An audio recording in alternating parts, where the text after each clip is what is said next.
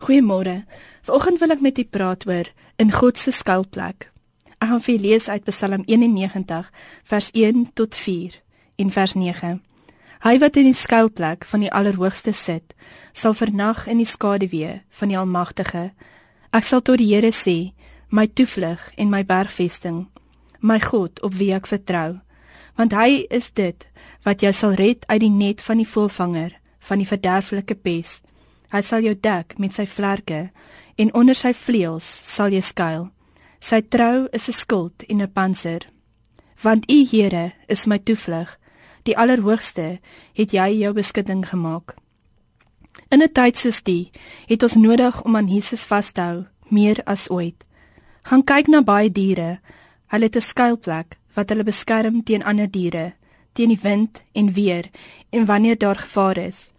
Gaan kyk wat doen 'n klein kindjie as hy of sy onveilig voel. Hulle gaan kruip tussen 'n ouer se bene in of gaan sit bo op hulle ouer se skoot. In hierdie skrifgedeelte word dan na God verwys as die Almagtige. Ons besef nie altyd hoe groot en hoe sterk en hoe wonderbaar God is nie. Dit laat my dink aan die kinderliedjie.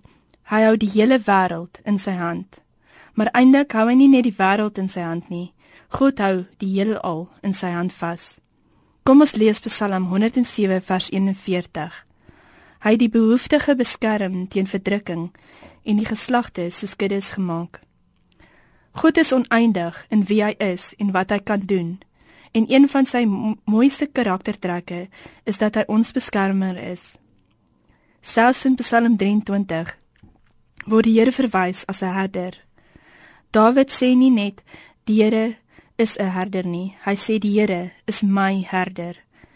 Die Here het nie beloof dat ons sonder uitdagings, moeilike tye en storms sal wees nie, maar hy het gesê in al hierdie dinge sal ons meer as oorwinnaars wees.